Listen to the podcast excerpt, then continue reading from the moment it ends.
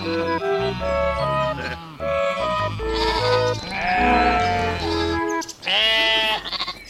Anna! Hej Einar! Nu är det dags för en ny fårpodd igen och nu var det väldigt länge sedan sist. Ja, det har varit vår och det verkar inte som vi hinner göra podd på våren. Vi, vi lammar och vårbrukar och har fullt upp. Ja, vi är ju helt vanliga bönder som gör massa annat också och i lamningen så är det svårt att hinna med någonting annat. Men nu tar vi nya tag. Ja, vi har ju jobbat med den här podden ett bra tag faktiskt. Ja, vad handlar den om idag då? Ja, idag ska vi prata om marknaden, den heliga marknaden. Ehm, Vi hör ju ofta, vi fårägare, att vi ska anpassa oss till marknaden. Vi ska producera det marknaden vill ha och när marknaden vill ha det. Och sen är det marknaden som bestämmer vad vi får betalt för det vi säljer. Men frågan är, alltså, vad är marknaden och hur fungerar den egentligen? Det tänkte jag vi skulle titta på idag. Mm, vi har försökt att förstå hur lammmarknaden fungerar och också vad man kan göra som producent för att öka sin lönsamhet. Mm, med betoning på förstå då, för det är inte enkelt. Nej, vi har inte tyckt att det här varit enkelt. Vi har pratat med ett antal personer som vi eh, trodde kunde hjälpa oss lite grann på traven med att lära oss mer om marknaden. Mm. Först så kommer en intervju som Titti har gjort med Per Hansson som är ekonom och han jobbar på SLU med företagsledning och företagsutveckling. Och hon har ställt frågan till honom då hur, hur eh, svensk lammproduktion kan bli lönsam. Mm. Och sen eh, har jag pratat med eh, Jonas Tunestål som är VD på KLS Ugglarps slakteri. Eh, det är väl det idag näst största slakteriet när det gäller lamm i Sverige. Jag funderar lite grann på hur de ser på det här med, med lamm och marknad. Sen undrar man ju också vad gör branschen för att smörja marknaden och och eh, hjälpa bönderna att få en bättre lönsamhet. Det finns ju Lammlyftet och Handlingsplan Lamm som är stora aktiviteter som branschen har drivit under flera år. Och precis efter att eh, etapp två av Handlingsplan Lamm lanserades så pratade Titti med Victoria Östlund och Elof Nilsson för att höra hur stämningen var där. Det är alltså Victoria Östlund som är lammansvarig på LRF Kött och Elof som är vice ordförande i Fåravelsförbundet. Ja, och jobbar med mycket med just marknadsfrågor i Fåravelsförbundet. Och sen har du pratat med en intressant person. Ja, jag pratade med Josef Schimmel på Hagby gård i Uppland. Han var ju med när Jordbruksverket hade en tävling som hette Sveriges smartaste lammstall förra året. Och då var han med med ett bygge som han hade gjort tillsammans med Hushållningssällskapet och planerade då att utöka produktionen. Så vi ville, vi ville prata med Josef och kolla hur det har gått på Hagby gård. För att sätta allt tidigare prat om marknaden i ett verkligt sammanhang. Ja, men precis. Men eh, då tycker jag vi kör igång. Vi börjar med Per Hansson. Du får gärna presentera dig Per och, och berätta lite vad, vad du gör. Ja, tack för det. Eh, Jag eh, heter alltså Per Hansson och jobbar som verksamhetsledare för det som heter SLU, Kompetenscentrum för företagsledningsfrågor. Och eh, vi jobbar då som en eh, centrumbildning inom SLU, eh, speciellt inriktad på företagsledning. Och eh, vi har dessutom ett uppdrag att vara en samverkansplattform mellan eh, forskning och praktik.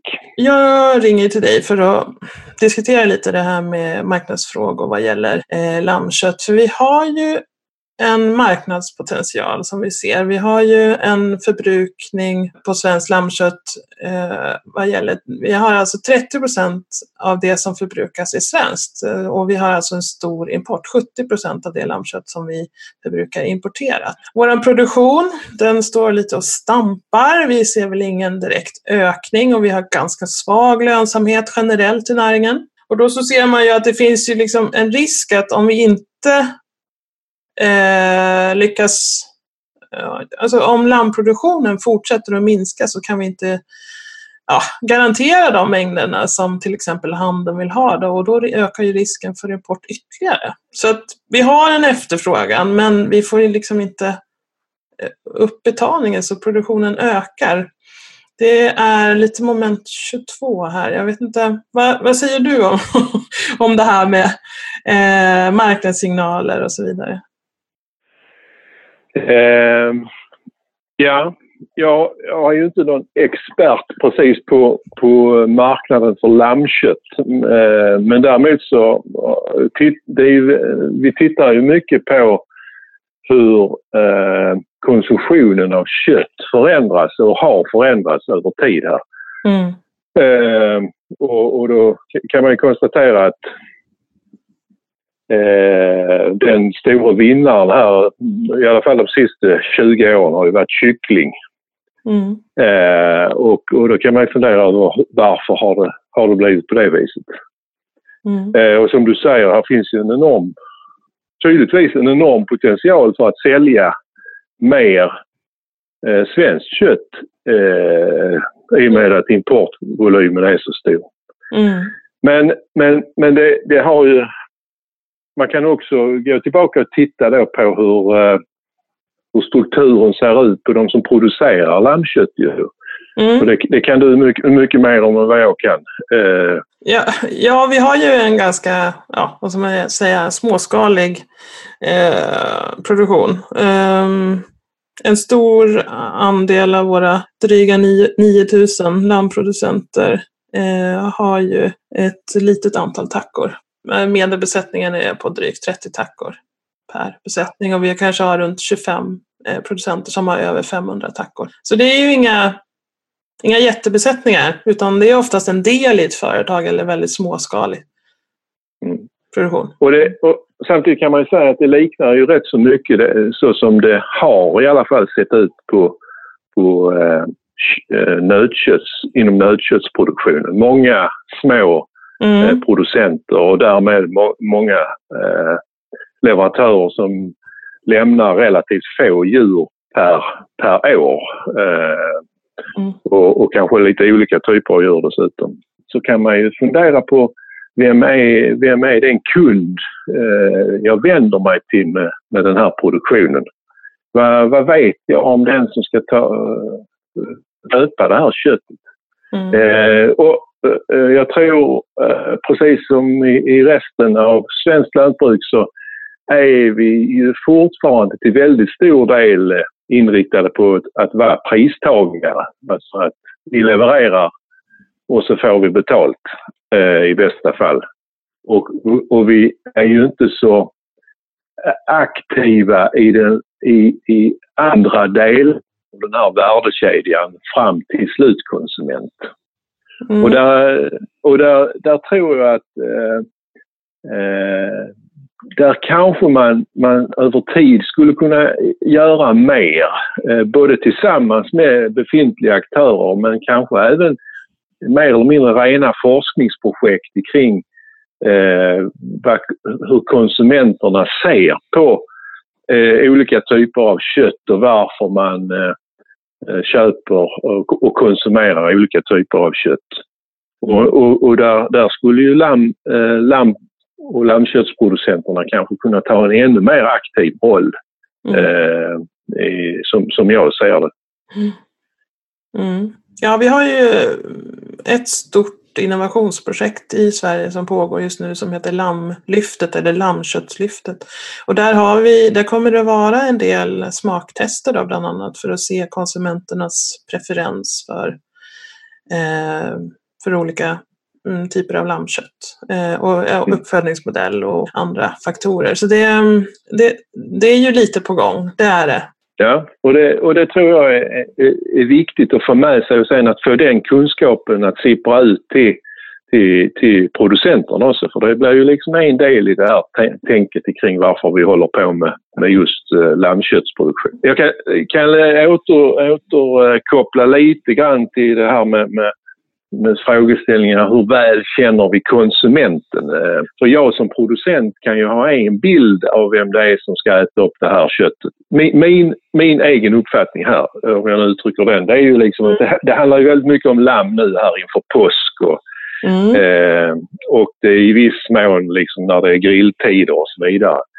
Men i, i det läget vi är med, med så stor import eh, vi, skulle, vi skulle ta reda på mer om vem är det som äter, äter det här köttet så, så totalt som eh, kommer, eh, finns i marknaden. Alltså det, jag skulle misstänka att, att vi har en ganska mycket högre lammkonsumtion bland eh, ja, så kallat nya svenskar alltså, med andra konsumtionsmönster och an, annan, eh, mm. Eh, andra preferenser när det gäller kött.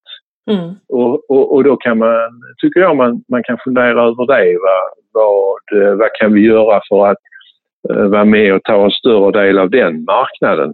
Mm. Eh, och likadant när det gäller eh, andra typer av produkter baserat på lamm, alltså eh, chark, eh, färdig, färdig mat och även eh, det här med eh, det här direktförsäljning med, med köttlådor och, och andra typer av mm.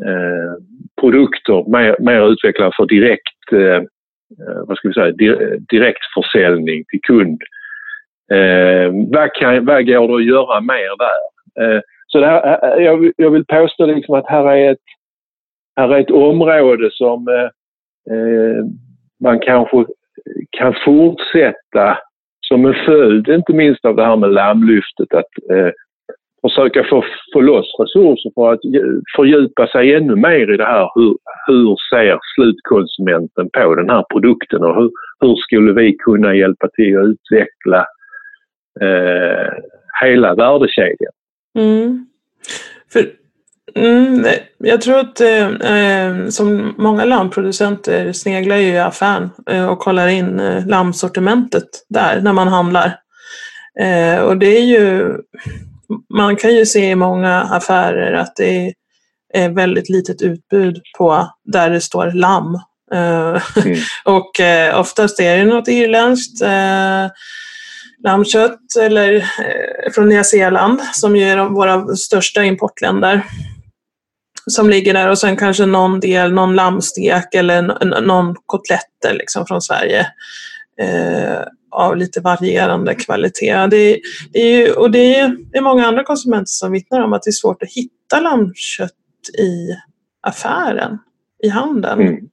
Eh, är det för att folk inte efterfrågar eller köper det där? Varför är det så svårt? Att, för, men samtidigt så vittnar man ju också om att eh, många som säljer lådor då, direkt till kund får ju höra att vi har så svårt att hitta lamm i affären. Mm. Eh, ja, det... Och då är de jätteglada att de hittar en producent som säljer. För de vet mm. inte riktigt var de ska hitta det annars. Eh, det, det går liksom inte... Den där kopplingen eh, verkar vara svår. Ja, och sen, och sen är det ju eh, återigen den här problematiken i kring. Alltså man, man förstår det här med påsk, eh, man förstår det här med lammstek till påsk, fattar man. Man förstår eh, lammkotletter till grillen och mm. man i bästa fall fattar man att eh, en rökt fårfiol till jul eller någonting sånt. Men allt däremellan har man liksom svårt att... Och jag tror det enda lösningen är liksom att, att fortsätta att jaga kunskap kring hur man, hur man kan möta olika marknader med, med de här produkterna. Och, och är man det, det minsta köttslaget så, så, så är det ju naturligtvis barriärer i, i det här när man ska övertyga slakterierna om att, att lägga resurser på att göra de här sakerna Eh, göra de här undersökningarna, göra de här marknadssatsningarna och så vidare. Men jag tror att, att där får man kanske bestämma sig för att gemensamt i näringen och, och tillsammans med, med helt andra aktörer, till, ja, forskningen, eh, Jordbruksverk och, och Lantbruksuniversitet och så vidare, jobba med att, att lära sig mer om hur man skulle kunna bearbeta den här eh, marknaden. Jag vet inte om vi ska ta upp det här med att eh, Sverige ligger förhållandevis lågt jämfört med, med mm, vad gäller betalning för lammkött då, jämfört med våra europeiska eh, kollegor. Till exempel i Frankrike har man ju priser som ligger 10 till 25 kronor per kilo högre betalning. Mm. Var, var, varför är det så? Är det för att vi har så olika struktur på vår, att vi är så småskaligt i Sverige? Eller är det något annat? Ja, det, är, det, är inte, det vet vi inte riktigt. Eh, det kan Nej. vi inte uttala oss om. Det man kan fundera över, vet fransmännen eller de franska landproducenterna mer om slutkunden än vad den svenske vet? Mm. Och kan det i så fall påverka vad, vad man kan få slutkonsumenten eh, att betala för, för det här lammköttet. Jag kan ingenting om fransk eh, lammproduktion men mm. är, de, är de lika, är de lika eh, mycket diversifierade i sin lammproduktion som i sin ostproduktion mm. så, så, eh, så, så är det ju liksom ett sätt att eh, närma sig marknaden. Mm. Det är ju samma sak nu med kött kan man ju säga. Va? Eh, alltså kan du diversifiera dig mot olika marknader mm. eh, så kan du ju plocka ut ett mervärde. Mm. Marknadsspåret eh, är, är, ju, är ju väsentligt och det är ju liksom den, utåt, den här typen av utåtriktade aktiviteter eh, som kanske kräver ganska stora resurser under ganska lång tid för att man ska förflytta sig. Eh, förflytta sig i, i sin marknadsposition. Men man ska, jag, jag, skulle liksom vilja uppmana till att inte, inte baxna inför det utan eh, mm. ta, ta, jaga på och söka mer kunskap i och, och få mer kunskap om var är, var är trösklarna och barriärerna och, och hur, vad, vad, kan vi eh, kan, vi kan vi till och med hitta eh, nya öppningar i det här som, som gör det intressant över tid att äta mer lamm. Alltså, mm. eh, det, det, skulle jag vilja uppmana till. Mm. Håll i, håll ut. Mm. Håll i, håll ut och, och tänk på vem ska vara min slutkonsument och, och fundera över hur jag får ut bästa pris. Mm. Och, och, och, och eh, att, att jobba mer i ett värde, värdekedjetänk där eh, jag inte bara är pristagare utan vad vill, vad vill vi med det här? Eh, hur kan vi öka värdet på den här produkten? Mm. Hur ska jag kunna få en större del av värdet på den här produkten? Har du något konkret tips där som eh, till producenter hur man, ja, nu vi har varit inne lite på kanske komma närmare slutkund, sälja själv.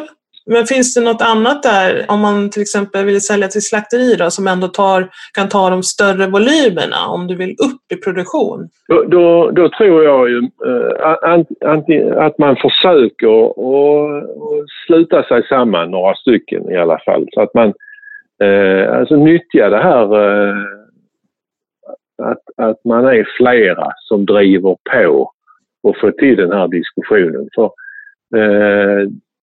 det är, sannolikt är det inte så lätt att, att som enskild, ja, det är, jag vet inte om det är någon som är så stor i, i, i svensk marknad som man liksom kan eh, påverka ett enskilt slakteri i det här. Det, det, är möjligt. Det finns ju mindre slakterier också. Mm. Och, och, och söka, sig, söka sig formerna. Antingen eh, får man ju en dialog med slakterierna. Vad kan vi göra av det här? Jag har de här, det, det, här och det här kan jag jobba fram. Vad, vad kan ni göra med det? Och, och, och då är det ju frågan, är, är, är slakterierna med på det eller, eller krävs det att man jobbar mer organiserat från producentsidan för att få gehör för det här? Eller finns det mindre slakterier som är mer lyhörda för eh, och har idéer om hur man ska kunna få ut eh, ett, ett bättre pris och Eh, eh, av slutkonsument och, och få en bättre lönsamhet i affären och därmed få ett bättre, ett bättre pris för, för lammet till, till producenten. Alltså alla, jag, jag, kan, jag kan liksom inte peka ut en väg här utan det, är, det kommer man nog att få jobba med eh, i, evig, i evighet höll jag på att säga. Tack så mycket för att du ville vara med i Fårpodden. Tack för det. Ja, det var en röst från eh, vetenskapen och från SLU. Eh, och vi kan konstatera att det här är inga enkla frågor, det är ganska komplicerade samband. Ja, man kan titta på dem ur väldigt många vinklar. Men Per hade ju en del tips både till branschen och till den enskilde bonden. Vi kan väl eh, gå vidare med att fråga slakten som är väldigt nära verkligheten i den här frågan. Ja. V vad säger de? Ja, nu blir det lite mer hands-on. Eh, jag ringde alltså upp Jonas Tunestål som är VD på slakteriet KLS Ugglarps Och jag började med att ställa frågan om han på något hyfsat enkelt sätt kunde sammanfatta hur den svenska lammbranschen ser ut. Den är lite speciell. Den, den uh, svenska lammköttsmarknaden, den märks att den, den är växande uh, och den växer uh, på, på ett bra vis men växer också utanför normala kanaler. Så den är ju dels uh, växer den som, som en del i dagligvaruhandeln och, och på restauranger och så. Men den växer också på typiska köttbutiker eller eller mindre grossister eh, som, som specialiserar sig på lamm och, och kanske specialiserar sig eh, mycket kring, kring eh, Eh, kanske finns i områden där, där man eh, kommer folk från andra kulturer som är mycket bättre än vi eller har större historia och faktiskt arbetar bredare med lammet och hanterar både lamm och får på ett annat vis än vad, vad vi är vana vid. Eh, så Men det är ju... hur påverkar det ert arbete som slakteri? Ja, för vår del så påverkar det att vi faktiskt har en, en vi har många nya kunder som, som frågar, efterfrågar efter både lamm och får. Mm. Både i de traditionella kanalerna men också i, i, eh, i de andra. Och, och där är ju också lite andra detaljer som vi klassiskt inte eh, jobbar med i, i, eh, i traditionell dagligvaruhandel, utan det är mycket även kring organ och, och de delarna som blir viktiga, biprodukterna. Det blir mycket kring, kring fåret som också har blivit viktigare. Därför, det var därför vi för ett tag sedan började jobba aktivt med prissättningen på får. Eh, där vi menar att det var att det var undervärderat jämfört med faktiskt den efterfrågan som, som vi såg komma. Vad, vad har hänt på den sidan, på, på de äldre djuren, alltså på fåren? Ja, det har, det har kommit, eh, vi har ju utvecklat de senaste åren, eh, har det, är en väldigt växande kundgrupp på det. Och det är när man är specialsortering för, eh, för eh, kanske lamm och får och nöt. Mycket med, med folk med, med, från annan kultur mm. som, som kommer hit och faktiskt kan hantera fåren på ett bra vis. Därför tidigare har det ju varit väldigt, väldigt få i Sverige som har kunnat hantera det på ett bra vis. Men senaste åren har det vuxit och vi ser väldigt, väldigt positivt på det. Och hur har ni signalerat det? Har ni höjt avräkningspriserna på får? Ja, det gjorde vi för, för ett uh, tag sedan. Det kommer jag knappt, kan jag inte, kommer det, det är något år tillbaks som vi började driva priserna på får. Har ni märkt någon skillnad? Ja, men vi, vi växer ju. Vi ser det ju ofta som en, en eh, totalaffär. Att där vill vi tillsammans Vi skapa lönsamhet tillsammans med våra lantbrukare. Och, och fåren är såklart en viktig del i det. Och vi ser att vi, vi växer i vår får och lammslakt och har gjort nu över en lång tid. Vi, vi har ju en vi har en strategisk inriktning att vi vill växa på får och lamm och vara långsiktiga. Precis som vi har gjort på de andra djurslagen tidigare. Men, men eh, sedan något år tillbaka också har bestämt oss för att vi gärna vill göra det på får och lamm. Eh, vi har ju tidigare, oh, förlåt. Ja, om man tittar utomlands så eh, finns det ju ofta fler klasser. Det finns ju ofta en mellanklass mellan lamm och får eh, i Storbritannien bland annat. Mm. Mm. Är det någonting som ni tittar på? Skulle det kunna fungera i Sverige? Ja, eh, det tror jag faktiskt att vi att efterhand skulle kunna göra. Nu är jag lite nu är du lite tidigt på den frågan för vi håller faktiskt på, vi är inte publika med det, men håller på och jobbar med de frågorna för att faktiskt se hur vi kan differentiera det mer. Ja. För faktiskt, eh, precis som du säger, kunna prata ungfår eller precis som vi klassificerar eh, på andra djurslag så tror vi att vi ska kunna hitta den marknaden också. Och faktiskt tillsammans kunna ta ut ett mervärde. För till syvende och sist är det ju det det handlar om, att vi tillsammans i värdekedjan vill kunna få mer betalt för våra produkter, alltifrån från lantbrukaren fram till konsumenten och faktiskt skapa ett värde för konsumenter mer och mer. Så vi är, vi är väldigt långt i den frågan så får jag väl stanna med att kommentera det där. Mm. Men eh, om, om vi säger så här att eh, jag, jag förutsätter att om man ska få till en sån klass då behöver ni ju vara lite mer säkra på tillgången på, på djur när de kommer in och ja, leveranssäkerhet och så vidare. Är det något, kan, kan jordbrukarna göra en insats där också? Ja, ja men visst kan de det. Sen samtidigt så, så är det ju, eh, kan inte jag peka finger dit för vi måste vara tydliga i de signalerna och sen så tror jag absolut, ger vi tydliga signaler så tycker jag ofta att man får, får väldigt bra svar ifrån eh, från lantbrukarna. Mm. Men, men vi måste först bli klara och, och vara tydliga med, med vad, vad, marknaden efterfrågar eller vad vi, vad vi efterfrågar i vår affär. Eh, alltså lammköttsmarknaden eh, kännetecknas ju av att eh, efterfrågan är betydligt större än vad de svenska fårägarna kan, kan producera. Så att vi, vi har en, en väldigt stor del som är import och en, en mm. ganska liten del, under 30 procent, som är svenskt. Mm. Alltså känner ni en, en konkurrens från det importerade eller lever det svenska lammköttet en nivå över det importerade? Nej, jag, jag skulle säga att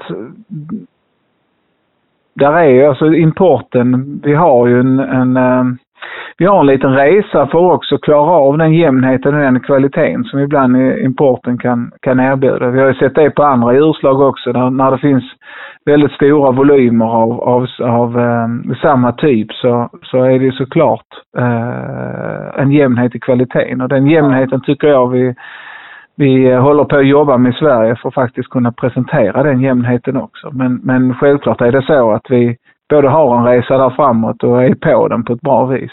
För, men, men är det så att importen eh, i, i första hand inte konkurrerar med lägre pris utan med jämnare kvalitet?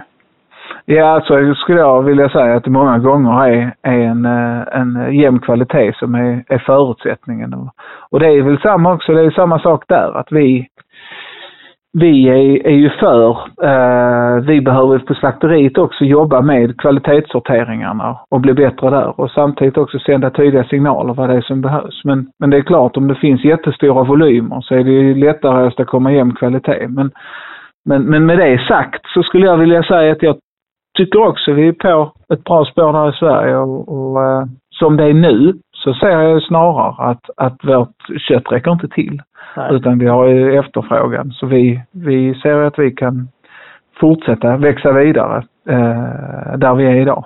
Därför mm. ser vi också en väldigt positiv utveckling på lammpriset. Och tror det är bra att här är flera aktörer som jobbar så aktivt mm. med, eh, med lammfrågorna. Detta kanske är en, en, en, ledande fråga, men om ni mm. har, får en större volym, har ni större möjligheter att sortera ut um, högre eller jämnare kvalitet på slaktkropparna också? Ja, men absolut är det så. Därför har vi ju också gått ut. Innan så slaktade vi ju bara lamm i Kalmar. Nu är vi igång i, i Skåne och Hörby sedan ett tag tillbaka. I takt med att vi också har, har större och större upptagningsområde på nöt och så, så ser vi också att vi har ju att vi har eh, logistiken. Så vi håller ju på att utöka vårt område för, för, eh, för lamm också. Ni har ju gått tillsammans vi... med Dalsjöfors eh, slakteri utanför Borås. Finns ja. det några tankar på att börja slakta lamm i Dalsjöfors också? Vi är inte där nu. Nu har vi precis kommit igång i Hörby mm. och, och växer kraftigt både därifrån och Kalmar. Men det är absolut inte uteslutet. Vi håller på att titta på hur vi kan, kan utveckla våra lammaffärer även uppe i det området och norrut. Men det ligger inte i närtid i alla fall? Vi är, inte, vi är inte där som det är nu. Och vi precis, jag sa, vi har ju haft en, i vår tankegång har det varit att vi först Kalmar och sen vill vi igång i Hörby och så vill vi igång med eh, vår logistikapparat att faktiskt kunna eh, hitta större tillförsel av lamm och sen så ska vi titta på hur vi gör i Västsverige efter det. Mm. Om vi går in på det spåret då, hur, eh, hur kan slakterierna medverka till att eh, de svenska bönderna ökar sin lammproduktion? Jag, jag tror att eh, alltså jag är helt övertygad om att en långsiktighet och stabilitet och, och faktiskt vara transparent i värdekedjan och, och driva lönsamhet tillsammans tror jag är uteslutande det som skapar förutsättningar för att folk vill investera. Mm, det är pengarna jag tror som talar helt enkelt.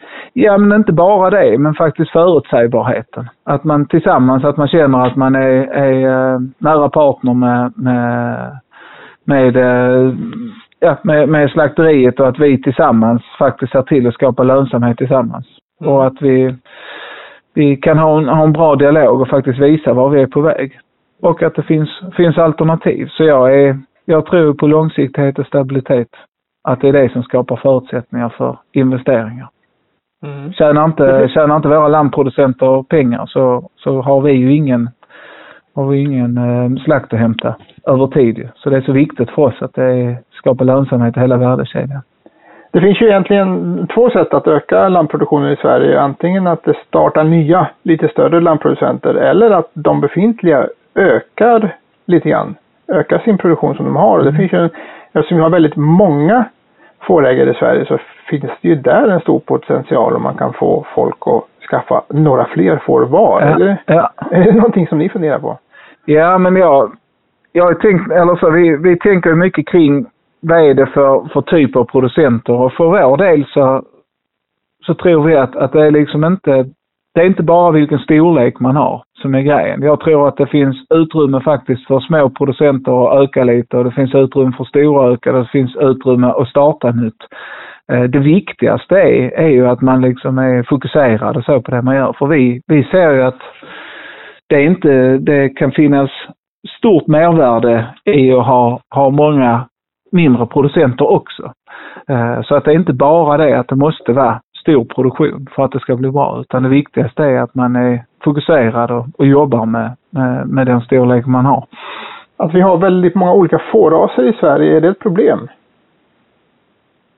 Problem, jag skulle vilja säga att det är den utmaningen vi har tillsammans eh, nu är ju nog snarare att man, att vi i sådana fall hittar hittar fokus hos en, hos, eh, hos, där finns väldigt många bra eh, lammproducenter men så finns det också eh, en del precis som vi också eh, pratar om här att eh, det finns en del där det inte finns något fokus alls för att det inte är ens, ens eh, huvudsysselsättning eller utan den bara, det bara finns med. Och det är där jag tror vi har den stora vinsten, att faktiskt lyfta den nivån. För eh, utan tvekan skulle jag anse att det finns väldigt många fokuserade, duktiga lantproducenter.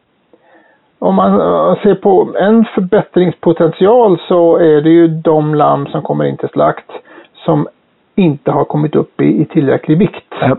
Eh, som egentligen borde vidare säljas till en vinterlammsproducent. Hur stort problem är de underviktiga lammen i slakten idag?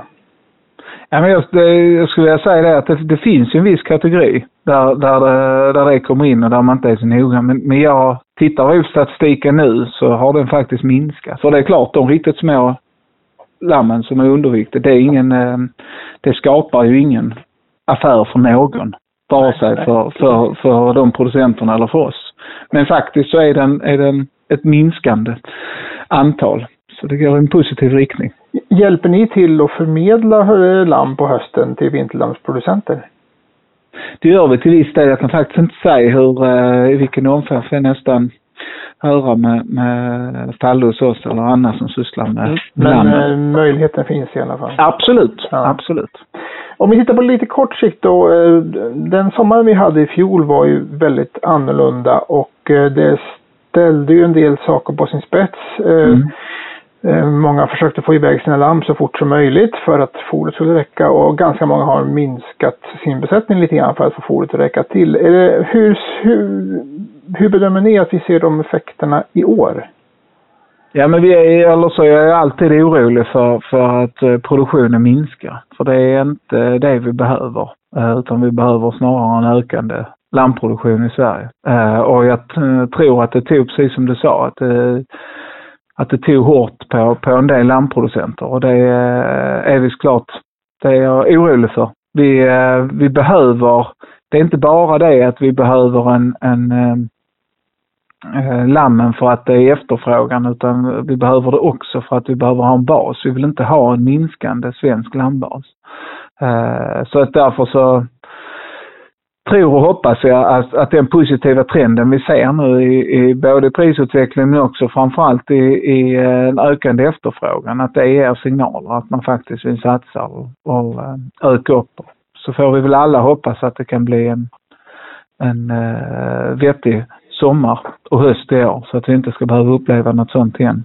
Ja, det hoppas vi allesammans på självklart. Ja, det verkligen så. Det, är en, det blir någonstans eh, ännu mer kritiskt i år att det blir en två år i rad skulle ju vara förödande för, för, för både bönder och för oss. Mm. Så vi, eh, jag hoppas och tror att folk satsar och, och är på gång nu och hoppas att, att man känner att, att eh, vi är tydliga. För, för Koles Ugglarps del så kan jag inte vara mycket tydligare än att vi, vi vill växa på vår lamm. Vi har mycket förfrågningar från nya kunder. Vi har vuxit de senaste åren och vi ser en stigande efterfrågan. Så vi är, eh, vi är på så mycket vi kan. så kan vi...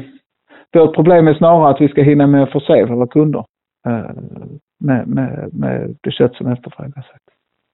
Lamm. Ja, jag tror att eh, de allra flesta i alla fall är överens om att konkurrens är bra även inom slaktbranschen. Så att... det, är, det, är, alltså det är superviktigt. Det är aldrig bra när när det inte finns konkurrens. Vare sig det gäller från vår sida eller från någon annan sida. Det är, det är bra för konsumenten, det är bra för lantbrukaren, det är bra för oss. Vi behöver ständigt vara på tå eh, för att göra ett bra jobb. Tack för att jag fick störa dig. Tack så mycket. Ja. Ha det bra. Det hörs vi. Nu har vi hört hur det borde vara, vad forskarna tycker och hur det faktiskt är när man pratar med slakten. Eh, frågan är då, hur jobbar våra egna intresseorganisationer, LRF och Fåravsförbundet med de här frågorna? Mm. Här kommer Tittis intervju med Victoria Östlund från LRF Kött och Elof Nilsson från Fåravelsförbundet. Eh, för en liten tid sedan så var ju vi och lyssnade på arbetet om handlingsplanerna. Eh, bland annat så redovisades vad som har gjorts inom handlingsplan LAM som ju har pågått under tre år, sedan 2015, där man har jobbat med att öka den svenska lammproduktionen. Vad är det som har hänt där? Märker vi någon skillnad i ökad lammproduktion? Vad säger ni? Ja, visst gör vi det. Vi kan väl säga att eh, vi hade ett tapp eh, i produktion 2016, men både 17 och 18 så har, eh, har slakten ökat och 18 så ökade den ju rejält, men då tyvärr också till följd av torkan. Mm. Så att eh, det är också under tråkiga omständigheter. Vad säger du om eh, det här arbetet som har pågått eh, under tre år i alla fall om handlingsplan LAM? Vad, har det varit till nytta? Jo, det får jag säga. Jag har inte varit jätteinsatt i alla grupper, men de grupperna jag har varit med i, bland annat stöd och regler, har det ju verkligen tagits ansvar för eh, olika praktiska frågor. Allting ifrån bemötande vid kontroller, att den frågan kommer upp på, på agendan att vi lantbrukare tycker det är kymigt för mer kontroller. Att vi hellre skulle vilja se att det skulle vara lätt att göra rätt istället för att vi får ehm, eh, lite, lite ont i magen när det aviseras en djurkontroll till exempel eller en tvärvillkorskontroll eller så. Men det har gjorts mycket saker och det finns mycket saker som ska göras. Kontentan av det här som jag tycker är viktigt är att många instanser eller många aktörer i branschen har börjat prata med varandra. Och, eh, det tror jag att själva tankesättet eller metodiken, att vi kan köra vidare här fast med ett annat fokus i den nya handlingsplanen, det kommer att vara jättenyttigt. Mm. Just det, och under den här eh, dagen i Stockholm så eh, var det ju kick-off för handlingsplan etapp två. Eh, och, och, nu är det en handlingsplan för alla tre röda köttslagen, eh, där lammen är ett. Då. Eh, och vad kommer arbetet att vara inriktat på framöver? Vad kommer att hända? Eh, målet för eh, etapp två, som vi kallar den, då, är ökad efterfrågan på kött från Sverige för världens hållbarhet. Och vi har också satt en eh, vision på längre sikt till 2030, kött från Sverige för världens hållbarhet. Och eh, eh, just hållbarhets aspekten tror vi är jätteviktig efter de debatterna som pågår nu kring köttet och eh, eh, både klimat och miljö. Och vi behöver få en mer nyanserad bild av hur, eh, hur djuruppfödningen faktiskt fungerar i Sverige. Mm. Eh, och sen har vi efterfrågebiten som eh, vi kompletterar med nu. Från att ha gått eh, från jobbet med att öka produktion till att faktiskt skapa ett sug från marknaden med ökad efterfrågan. Och här eh, har vi nog en resa att göra med lammen också, där vi nog behöver eh, verkligen jobba med att eh, förklara varför man ska köpa svenskt lamm. Man kan väl säga så här, eh, nya handlingsplanen är uppdelad i, i hållbarhetsdelen och eh, sen även en food service-del. Alltså handeln, inte detaljhandeln utan den som är inriktad mot restaurang och offentlig sektor. Där har vi jättemycket att göra oavsett köttslag. Vi har en, nu kommer jag inte exakt ihåg procentsatsen där, men det är väl runda slänga 40 procent som är svenskt här för mig. Mot eh, detaljhandeln där vi är uppe på 95 procent. Där de stora handelsblocken mm. har gjort ett jättebra jobb och, och sälja kött från Sverige eller med Sverigemärkningen på. Och sen mm. har vi även miljö biten då som vi sa. Och sen rätt betalning och, och rätt sortering är ju också ett ämne som vi kommer jobba med. Här kan vi se att det redan är påbörjat saker som, som jag tror kommer lyfta lammaffären och hoppas att det ska ge mer betalning till lantbrukaren. Mm. Just det, du, du syftar på um, lammlyftet eller lammköttslyftet där kanske? Ja, dels, dels både lammköttslyftet med alla de sakerna som är på gång där men även faktiskt att i det praktiska några av eh, slaktaktörerna börjar sortera på ett annat sätt för att få ut en viss kvalitet till detaljhandeln som, som vi som vanliga glada matlagare vill, vill köpa. Enkelt och snyggt förpackat utav en bra kvalitet. Men även att man gör eh, andra lösningar för eh, storsalig restaurang. Det fick vi ju höra där på, på lanseringen där att, det, att det, det tas nya tag där. Och mm. det är mm. jättehärligt att höra att det faktiskt görs det för det tror jag inte att det har gjorts på riktigt bra sätt innan. Mm. Det var ju tre områden som du säger Elof som eh, man presenterade i den här nya handlingsplanen. Det var hållbarhet, det var marknader och det var produktion och kvalitet, ätkvalitet. Då. Och ett delmål inom produktion och kvalitet var bättre kvalitet på svenskt lammkött. Det var intressant att höra att en, en sån här åtgärd var att ta fram en betalningsmodell som premierar kvalitetskött, stora volymer leverans över året.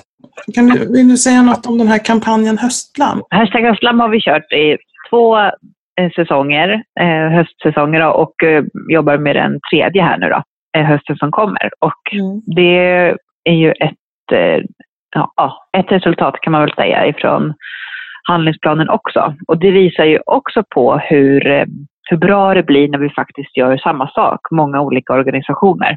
Och det är det som är tanken här, att alla bidrar med det man kan. Både om man är lantbrukare eller om man är en ICA-handlare så gör man vad man kan för att lyfta svenskt lamm i USA. Eh, för det är ju så att vi har den allra, allra största tillgången på hösten och eh, då ska vi ju använda det till att köra ut svenskt lamm på kampanj och lyfta det som en säsongsprodukt, ungefär som man kanske mm. gör med skrejtorsk eller kräftor.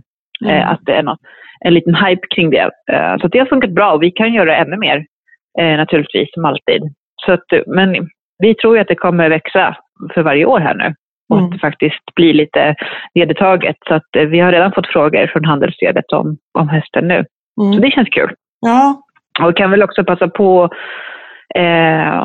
och, eh, och bjuda in till er som lyssnar på det här också. Att, eh, att många har ju sina gårdskonton till exempel och passar på att lyfta eh, lammen i höst, mm. vecka 40-41. Hashtag höstlamm. Mm. Precis, det är ett jättebra sätt. Ju. Vi har jobbat med att öka produktionen. Eh, och, och, som minsta köttslag så är det ju ändå mm, fortsatt nödvändigt att vi jobbar på två fronter. Både att öka produktionen men efterfrågan måste ju hela tiden eh, finnas där. Vi är ju, den är vi minst sagt beroende av. Eller hur? Mm. Uh, mm. Och uh, just det här uh, efter den här stallsäsongen som har varit ganska kostsam med höga foderpriser och ströpriser och så. Det är ju ganska svårt att få ihop kalkylen på lamm fortfarande. Eh, vad kan man göra framöver där? Har ni några eh, för lammproducenter som vill satsa här? Eh, hur kan man jobba för mm, att få upp lönsamheten i lammproduktionen? Eh, jag kan ta den bollen, jag som ja. är närmast ute i primärproduktionen. Ja. Eh, det är ju inget quick fix det här utan man måste se lammen i sin helhet i sitt företag med vad kan lammen göra mer än producera kött eh, och skinn och ull? Kan de eh, vårda landskap eh, nära tätbebyggt område till exempel? Finns det andra möjligheter att få in pengar som gör, gör eh, lammproduktionen lönsam? Ehm, det är väl kanske en bit Mm. Men sen är det väl återigen, det är jättetråkigt att säga det, men det är lite lika som mjölkproduktionen, att vi hela tiden måste trimma våra kostnader. Och det, det, det, ja, det måste vi göra. Vi måste våga tänka framåt, våga testa nya lösningar, eh, bli effektivare och så. Mm. Eh, några av er som lyssnar på det här kan säkert ta det till sig, kanske ha en lite större produktion eller så. Men är man mindre eh, lammproducent då eh, kanske man måste tänka att man kanske eh, kollektivt kan eh, hjälpas åt för vi är otroligt många små lammproducenter och kan var och en bli lite bättre så tar vi stora kliv tillsammans tror jag. Eller att man ökar, ökar lite tillsammans. Mm. Runt i de där jag far och förbi då finns det otroliga marker för lammproduktion som ligger outnyttjade. Jag vet att eh, du Victoria och på LRF har, lyft eh, att eh, en, en positiv trend som vi har sett nu att priset har stuckit iväg lite på lammen. Äntligen! Mm. Jätteroligt! Mm, kvartal ett. Ja. Så vi hoppas bara att det håller i sig. Det behöver vi verkligen. Mm. Nu låg det faktiskt över 58 kronor för första gången någonsin, vilket är kul. Mm. Faktiskt utbetalt med mm. tillägg och med eko och allting. Ja, så ja. det är ett medelpris kan man säga. Och det är ju en, en, en positiv signal som vi hoppas håller i sig nu då. Så vi kan öka andelen svenskt av det vi konsumerar. Där har vi ju lite att ta igen. Absolut. Är det något eh, mer sådär som ni känner spontant att ni vill säga om den här dagen i Stockholm? Om presentationen av handlingsplanerna? Känns det som att det var ja, nu kör vi, eller? För, för min del, eller med den positionen som jag har eh, och eh, företräder lammägarna, så tycker jag det känns lite inspirerande det här med att, att vi har eh, intresse från eh, vad ska man säga, handelsled och förädlingsled och så. Att man man vill göra saker tillsammans med oss. Det tycker jag, det har, det har man mer, det har mer förut varit lite vattentäta skott, men så känns det inte längre utan vi, det känns som att vi är, vi är i behov av varandra. Mm. Jag, jag, är lite försiktigt eh, positiv och inspirerad utav det. Härligt. Nej, men det känns såklart jättekul och vi har ju mycket att göra. Som du säger, vi behöver få upp lönsamheten på gård, vi behöver få upp produktionen och eh, Slakten ja. behöver ha en mer tillgång, så vi har ju ett, ett jobb att göra i alla led, verkligen. Ja. Eh, och det som känns spännande nu är ju att gå in och jobba mot food, food service och restaurang också när det gäller lammen. Som jag tror kan göra stor skillnad, verkligen. Och kommunikationen kring köttet då. Eh, så vi kan visa de miljönyttorna lammen verkligen gör också. Så det känns eh, jättekul. Ja, precis. Att det här värdet som vi skapar, mm. att det följer med hela vägen. Att vi inte tappar det. Liksom. Mm. Ja, Nej, men jag tyckte också att det var, det var en rejäl handlingsplan som eh, eh, lanserades som innehöll mycket intressanta åtgärder och verkligen hoppas att det blir verkstad nu så att eh, vi får fram fler kvalitetslam. Mm. Tackar så mycket för att ni var med i Fårpodden. Mm. Tack så mycket. Tack Tack. Ja, nu har vi pratat med eh, ett antal aktörer i den så kallade marknaden. Men nu är frågan, eh, den, hur påverkar det här den enskilde bonden, hans, han eller hon som faktiskt ska föda upp de här lammen? Ja, nu, vill, nu vill vi lyssna på någon som faktiskt har fötterna på jorden och lammen i, i stallet. Här kommer eh, intervjun som jag gjorde med Josef Schimmel på Hagbygård. Tänkte, kan inte du börja med att presentera er som bor på gården och lite vad, hur er produktion ser ut? Absolut. Eh, vi bor eh, på Hagby gård i Almänge, Uppland. Eh, jag driver där ett krav godkänt lantbruk tillsammans med min fru. Och vi har tre små barn under fem år. Så det finns inte många timmar över på ett dygn känns det som. Vi har både lamm då. I år hade jag ungefär 80 tackar betäckta.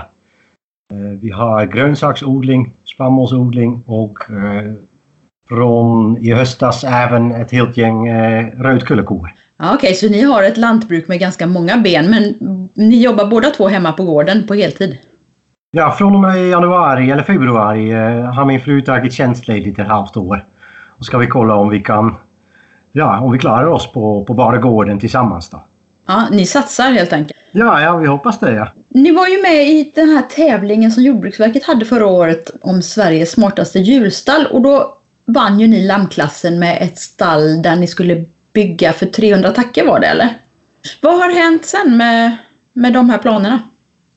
Ja, ganska snabbt kom vi väl eh, fram till att vi i projektgruppen då, det var vi som lantbrukare och sen hushållningssällskapet då, att vi inte kunde hålla de kraven som vi, vi hade fått på oss. Vi ville ju bygga mycket mer hållbara, mycket mer eh, energismart och ja, det kostar. Så vi kom inte upp till det priset som de önskade per tacka då. Vi kom ungefär upp på 5000 kronor per tacka. Men det var, okay. var, Kalkylen men, blev inte tillräckligt effektiv? Nej, absolut inte. Nej, 1500 kronor tror jag de hade satt per tacka vi kom på 5000 och det, jag skulle verkligen inte vilja göra det billigare. Då skulle man behöva göra så stora ändringar som, som jag inte tror på. Betonggolv till exempel. Det, tar man bort ett betonggolv då blir det ju mycket billigare. Eh, plank, alltså plåt istället för plank eh, på väggar. Mm. Eh, är ju alltid ett alternativ. Och sen en annan taklutning skulle göra det billigare men då fanns det ingen möjlighet att sätta upp solceller. Så många sådana saker som jag inte ville kompromissa. Ni ville inte kompromissa med det? Nej, precis ja. Okej, okay. men ni satsar ju ändå på, på gården helhjärtat. Så hur ser planen ut nu då? Ja, det blev ju inte riktigt sånt år som man önskade förra året. Så uh, torkan har ju verkligen gjort att vi har tänkt om. Och speciellt problemen med, med lammslakt har ju lett till att vi, vi har valt att i alla fall försöka gå en annan väg ett tag. Uh, så det, att, bygga, att börja bygga ett nytt stall för 300 tackar, det har vi verkligen satt in i frysen. Problem med slakten säger du. Vad, vad betyder det? Ja, speciellt i höstas märkte vi att även, även när vi bok, hade bokat slakttillfällen och vi hade bokat sex slakttillfällen under hösten. Då blev de ändå bara inställda för att ja, det fanns ju mycket panik, speciellt hos nötbönderna. Ja. De behövde bli av med sina kor och, och, ja, då, då var det ju mycket mer lönsamt för slakterier att ta in nöt istället av lamm. Så ni kom inte fram alltså i höstas med era lamm? Ja, tur var att vi hade ju en, en, väldigt bra dialog med slakteriet så vi kunde ju fylla alla hål som uppstod. För många hade inte fått upp lammen i tid. Så vi hade ju lam, lammen färdig men vi kunde inte leverera. Så vi kunde leverera egentligen löpande med mindre mängder och, ja, och verkligen inte när jag ville leverera. Det blir ju ändå mycket mer jobb. Och sen en oro att man inte blir av med djuren och att skulle det räcka med fodret och finns det bete? Det, det var väldigt tufft det var väldigt mycket kniven på strupen i höstas ju, när man inte visste hur mycket mat som fanns eller när djuren skulle kunna gå iväg. Ja, det var vi säkert inte ensamma om. Vi hade ju lite lyxproblemet. Vi hade i alla fall foder, så uh, det är ju bra. Uh, ja, vi kan ju inte bygga en framtid på så, sån osäker sak att, ja, att vi inte vet om slakterierna överhuvudtaget vill ha vårt kött. Är det någonting ni haft problem med innan också eller var det framförallt förra hösten som det här hände? Ja, i höstas var det extremt. Men egentligen har jag alltid upplevt att lammslakt inte prioriteras. Och det är väldigt svårt att hitta ett slakteri som man kan få ett bra samarbete med. Och det har vi. Det är också tur. Men eh, de är ju eh, ganska små. Så de, de har inte möjlighet att ta emot hur många djur som helst. Nej, okej. Okay. Så då skulle vi behöva ta återtag. Och det är väl lite den vägen vi har valt nu då. Att försöka sälja så mycket som möjligt själva. Så ni tar tillbaka i dagsläget färre tackor och ta tillbaka köttet och sälja det på gården? Det är planen för, eh, för hösten. Då. Nu, vi har Gotlandsfår så de, de har precis lammat. Vi kommer ju att få våra lamm färdiga i början av augusti och sen ja, egentligen till slutet av november. Eh, men ja, nu märker vi att vi har haft en väldigt bra försäljning nu under påsk. Eller inför påsk är ju andra saker att du ska vi kanske dela, inte bara ha Gotlandsfår men även ha en ras som lammar kanske sen sommar eller höst. För att sprida ut produktionen ja. över året. Mm. Ja. Och sen får vi väl se, min fru eh, vill ju verkligen driva den delen att sälja köttet direkt från gården. Antingen i form av köttlådor eller detaljer. Eller vi röker ganska mycket, vi har mycket korv, olika smaker. Eh, och det passar bra. Så eh, precis igår har vi haft kommunen ut och kollat på våra planer med gårdsbutik. Då. Vi vill ju gärna kunna sälja även färskkött. Alltså gårdsbutik är under produktion, det har ni inte haft innan? Nej, inte i en sån skala som vi vill satsa på nu. Då. Vi har haft ja, några, ja, några frysar som man kan plocka själv och sen swishar man. Men nu vill vi verkligen göra det lite mer professionellt. Då. Och då blir det ju en helt annan, eh, ett helt annat sätt att tänka och helt andra lager att följa. Ja, det blir det och en annan arbetsinsats men också att man kan få betalt på ett ja, bättre sätt. Man, är ju mer, man styr mer själv. Man är inte lika beroende av slakterier och marknaden. Och det känns som lammproducenter ligger ganska dåligt till där. Vi, vi har ju inte riktigt en förhandlingsposition. Vi har inte så många djur. Efterfrågan är inte jättestor för att det är nästan lika, lika billigt, att, eller billigare till och med, att importera. Mm. Så det finns ju mycket vi behöver förbättra för framtiden. Ja, det finns mycket som behöver bli bättre. Det är ju det är ju svårt också att hitta svenskt lammkött i butiken. Det är som att de inte riktigt kommer fram. konsumenten har svårt att läsa och svårt att jämföra. Speciellt nu inför jul till exempel fanns det eh, lammkött att köpa, ett märke från Småland. Och då, då läser man lite mer noga. Då ser man ursprungsland Chile. Det är ju jätte, jag blev ju rasande. Vi hade ju hur många djur som helst men både butiksägarna på ICA och, och Coop sa att det finns inte att få tag i. Ja, problemet tror jag hänger mycket på delvis kunskap. Vad ska vi göra med själva köttet? Men även på slakterierna. Det är ju ganska dyrt att slakta ett lamm. Ja. De är så små. Så det tar väldigt mycket tid och jag förstår att de prioriterar annat. De vill ju också tjäna pengar. Jag vill ju gärna, har man väl bokat ett slakttillfälle då skulle jag vilja att, att man verkligen kan hålla det. Ja. Eller att det finns mer av en dialog. Det är inte alltid säkert att jag får upp mina djur i tid heller. Nej, det är väldigt viktigt att den här dialogen finns. Eftersom det är levande djur det handlar om. Så det är mycket som kan hända på vägen. Ja, ja. Hur ser du på möjligheterna att leva av lammproduktion i Sverige? Ja, vi har haft lantbruk hemma och jag har nog lärt mig att det in, i alla fall inte passar mig bra att bara satsa på en gren. Så eh, jag upplever att lamm är är ett bra sätt eh, att sprida risken. Både lamm, både nöt, spannmål, grönsaker. Det är mer det sättet som passar mig. Och vill Mm. man satsa på lamm, ja då behöver man ju verkligen ha väldigt många djur och egentligen även en spridlamning. Annars är det ju, risken är ganska stor, eller risken är ganska stor, priserna är ju mycket sämre på hösten. Så Gotlandsfår är inte jätteattraktiva. Nej, det är, svårt, det är svårt för avelsbesättningar och det är svårt för Gotlands fårsbesättningar eller alla som har årstidsbunden brunst och riktigt möta upp slakteriernas krav. Så är det ju. Ja, och det är egentligen konstigt. Det är egentligen konsumenter som behöver lära sig att fryst kött är lika bra. Vi tar emot ganska många eh, grupper och vi hade ett gäng från, eh, från Polen som var på besök ganska nyligen. Och då lämnade de en, eh, en kokbok med bara lammrecept. Och det är ju jättespännande. Det finns så himla många olika saker man skulle kunna göra. Nej, men det är lite så vi, vi tänker när vi säljer köttlådor. Det har vi ju gjort nu i snart tio år. Men det är ju roligt att kunna ge dem lite extra. Så nu håller vi på med ett litet kompendium med lite olika recept till exempel. Men du nämnde hemma. Är det Holland? Som du Ja, menar? jag, eh, jag är född och uppvuxen i Holland och där hade vi eh, ett lantbruk med mest texel och mjölkkor. då.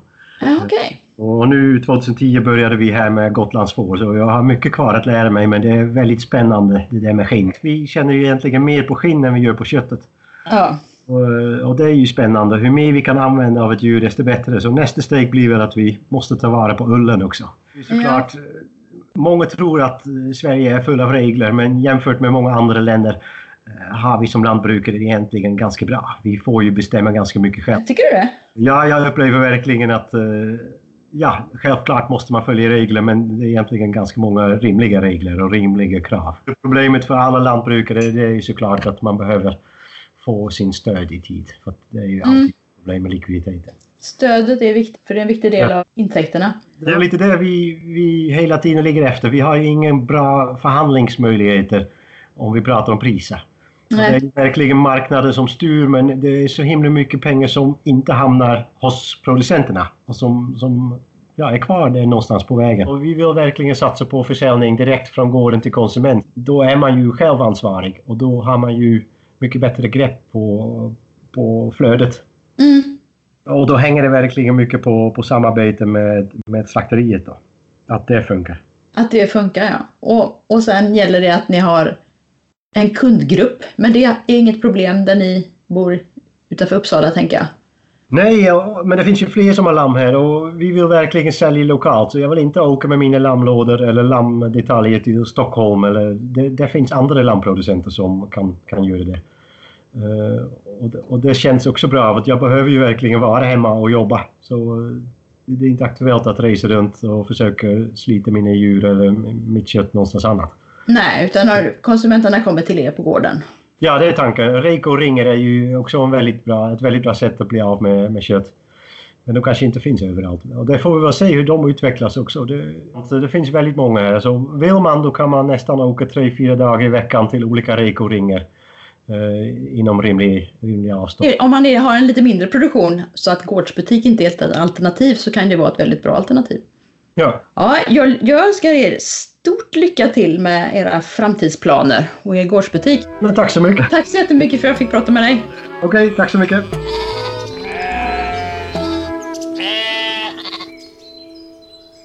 Ja, det var mycket prat och mycket åsikter eh, och jag känner att vi kanske behöver sammanfatta och knyta ihop lite av det som vi har lyssnat på idag. Ja, vad har vi lärt oss idag egentligen? Eh, om vi tittar på, på slakten först så eh, vi har ju en stor import i Sverige och vi säger ofta att vi konkurrerar med det importerade köttet. Men vad vi har lärt oss idag bland annat det är att det importerade köttet eh, inte alltid, eller kanske inte så ofta, är billigare än det svenska.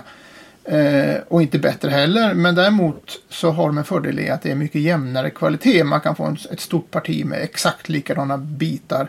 Och det är svårare i Sverige eftersom vi har en, en mindre och mer diversifierad landproduktion. Ja, och marknaden är väldigt förtjust i det här med jämn kvalitet. Ja, det Stora gillar de volymer. verkligen. Ja. Så det har vi lärt oss om marknaden då, kan man säga. Mm.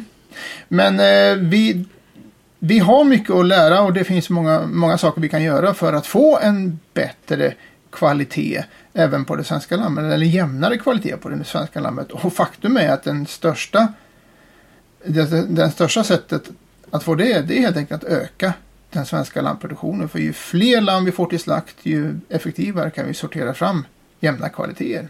Så det hänger liksom ihop. Ja, men Jonas var ju också inne på att, att eh, sortering och att sälja rätt lamm till rätt kund är väldigt viktigt. Mm. Men att vi kan bli bättre där. Vi kan bli mycket bättre. Mm. Och sen har vi den här produktionstoppen på hösten som är så typisk för, typisk för svensk lammproduktion. Mm. Brist, brist under vår och sommar men mycket lamm under hösten. Och det påverkar ju prissättningen. Ja, och då får vi vara medvetna om att slakterierna medvetet plockar ju pengar från höstslakten och lägger till vårslakten. Så man kan säga att höstslakten subventionerar vårslakten och det är ju slakteriernas sätt att styra produktionen så att man får en jämnare produktion över året. Ja, Eh, försöka få oss att slakta mindre på hösten helt enkelt. Ja, eh, men samtidigt så eh, kan man väl hoppas då att en del av de som slaktar på hösten kanske har ett mervärde i sina skinn medan de som, som föder upp lammen på vintern har en, en dyrare uppfödningsmetod och, och behöver få lite mer betalt. Så att jag känner inte att det är någon oklarheter om att det här systemet faktiskt är vettigt. Fast jag kan ju tycka att producera lamm på gräs är ju en otroligt bra idé. Och många av våra inhemska raser har ju ändå säsongsbunden lamning. Så vi kommer väl förmodligen att fortsätta ha mycket lammslakt under hösten.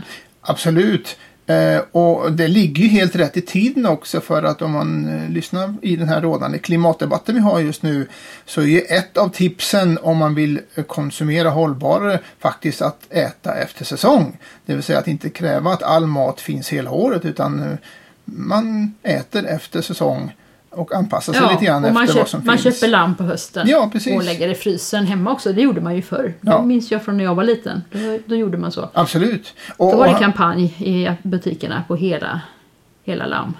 Men Nej. det pratar ju Victoria om också. Ja, här finns hashtag ju- höstlamm. Den här Precis. satsningen som Eh. kommer fortsätta. Den, det känns ju som en väldigt bra idé.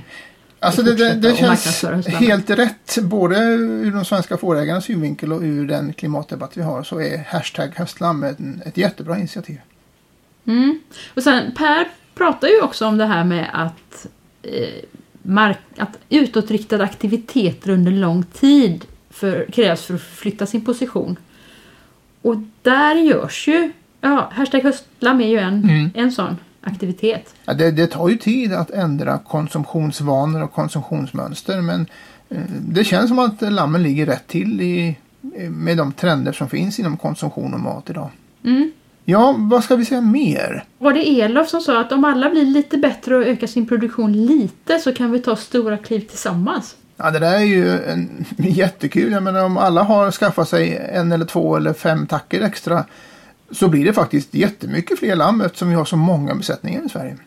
Samtidigt så tänker jag att om vi verkligen ska ta marknad från importköttet och producera många fler lamm så krävs ju en långsiktighet och en förutsägbarhet och en lönsamhet. Det- Det är ju alla överens om. Ja, det finns då- ju en enda sak det hänger på och det är att eh, om man ska investera i en lammproduktion så måste man kunna få ihop en investeringskalkyl. Och det är fortfarande Ja. svårt idag. Det är där Betalningen behöver upp Ja. eller ligga kvar på en högre nivå för att det Absolut. ska bli långsiktigt och förutsägbart. Just nu ser vi ju en eh, liten positiv trend på avräkningspriserna så vi får helt enkelt hoppas att det håller i sig. Det hoppas vi verkligen. En sak som jag blev så himla glad av eh, när du pratade med Jonas det var ju att eh, de har tagit tag i det här med att betala för tackorna och att sälja, eller de vuxna djuren. Att sälja dem till rätt kund. Ja. Det, det känns jättebra tycker jag. Det är efterlängtat. eh, Det är ett enormt steg mellan lamm och får på avräkningspriserna. Och kan vi få lite mer betalt för det som tackorna faktiskt är värt om vi bara jobbar lite med det så Det tror är jag det att bästa köttet tycker ju många. Det är ju jättebra kött. Ja. Det är, jag hoppas verkligen att vi är på gång där nu, att det lossnar och att man börjar att äta vuxna djur och att man får betalt för dem. Mm. Det, det handlar väldigt mycket om vilja och lite kreativitet så skulle vi kunna få mycket bättre betalt för våra får. ja, nej, men det känns som det här är något på gång att hända där nu. det, Jajamän. det är roligt. Men eh, nu har vi pratat om marknaden, den stora marknaden, men eh, nästa steg är ju vad kan den enskilda fårägaren göra? Man får inte glömma möjligheterna som finns för fåret att få in pengar på andra saker än kött. Fåret är ju inget sånt ensidigt djur. Vi har ju ullen och skinnen och man kan göra nappa numera om man inte har fina pälsskinn. Betestjänster. Fåret har ju många ben som vi brukar säga. Och det tänkte vi prata om mer i nästa fårpodden. Eh, Just det här med eh, småskalig förädling. Vad kan varje enskild fårägare göra? Större del av värdekedjan. Ja, det låter ju så himla Som, snyggt när som man kallar så. det i den här marknaden. Ja, visst. Ta en större del av värdekedjan. Komma längre upp i hierarkin helt enkelt. Ja, du och Titti var på stämman i Mora så passade ni på att intervjua fårföretagare med egen småskalig för- vidareförädling. Mm, det var många spännande personer där. Ja, det har blivit en väldigt fin samling med intervjuer med spännande personer. Mm. Och de kommer i nästa podd. De kommer i nästa podd och det dröjer inte så jättelänge innan den kommer för att det är mycket klart redan. Men du, vi brukar alltid i den här fotpodden också bli lite, lite personliga och fråga. Så jag frågar som vi brukar göra. Vad händer hemma på din gård just nu, Anna? Hemma på min gård så är lamningen nästan klar. Inte riktigt. Vi har ju jättesen lamning i år. Gräset eh, kommer så smått men det är jättekallt på nätterna och jättevarmt på dagarna. Jag har aldrig varit med om något liknande faktiskt. Det är 25 grader på dagarna och i natt var det hård frost när jag kom ut, eller i morse. Jajamän. Så att det är lite lurigt alltså. Det, de är ute på dagen nu och inne på natten och det är mycket det är mycket tjatiga får som vill in när de är ute och tvärtom. Jag hoppas kunna släppa dem på bete innan veckan är över dock. Och hur är det hos dig?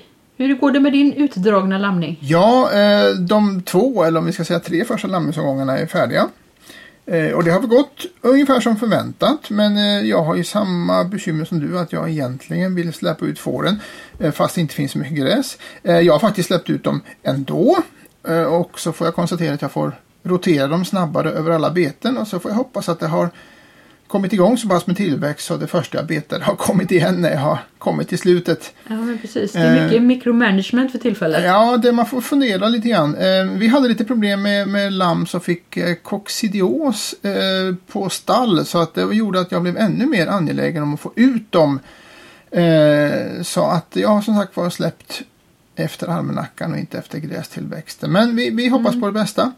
Eh, en fördel är ju att det inte blir sån här jättetidig start på vallskörden som det blev i fjol. Så att man hinner med lite mer just nu innan vi kommer med ensilaget. Och det, på sätt och vis tycker jag det är skönt. Mm, det är skönt. Men du är inte färdiglammad väl? Ja, vi har ju våra sommarlammare som ska börja lamma runt 1 juni. Det är ju en ny erfarenhet för oss. Vi gjorde ju så för att få fodret att räcka lite bättre. De har ju gått ute i en månad nu med lite ensilage utomhus. Så att nu, nu, är det, nu är det en liten paus eh, och eh, om några veckor så kommer det igång. Och det blir en ny erfarenhet för oss att lamma utomhus. Det har vi aldrig gjort förut. De kommer att lamma bakom fårhuset så jag har ju möjlighet att ta in djuren om det skulle vara så. Men tanken Ja, är att de ska lamma utan. Alla säger ju att eh, tackor som lammar utomhus har mycket mindre fellägen. Så det ska bli intressant att se om det verkligen är så. Bara man har koll och det inte kommer räv och så, så finns väl alla förutsättningar för att det ska bli väldigt lyckat. Ja, räven är väl det största hotet men eh, det har... Korp och sånt har ju en del väldiga problem med. Men Ja. det är ju olika på olika ställen. Fåglar är ju inte så mycket man kan göra någonting åt. Men när det gäller räv så finns det ju ett jättebra tips. Och det är att sätta upp elnät runt hagen där tackorna går. För elnätet är faktiskt ett jättebra skydd mot räv. Det har jag kunnat konstatera förut också. Mm. Så det, det går faktiskt att åtgärda ganska enkelt. Ja, men vad spännande. Vi får se vad som händer. Jag får återkomma hur det har gått. Vi kan väl nämna också att eh, det finns en liten bonuspodd från stämman där du och Titti berättar om vad, vad som hände under stämman. Ja, den ligger ju strax innan den här podden. Det var en intressant och spännande stämma och ni får höra lite röster därifrån. Visst inte det? Men då säger vi så för idag och så hörs vi snart igen. Det gör vi. Då hörs vi. Hej då! Hej då!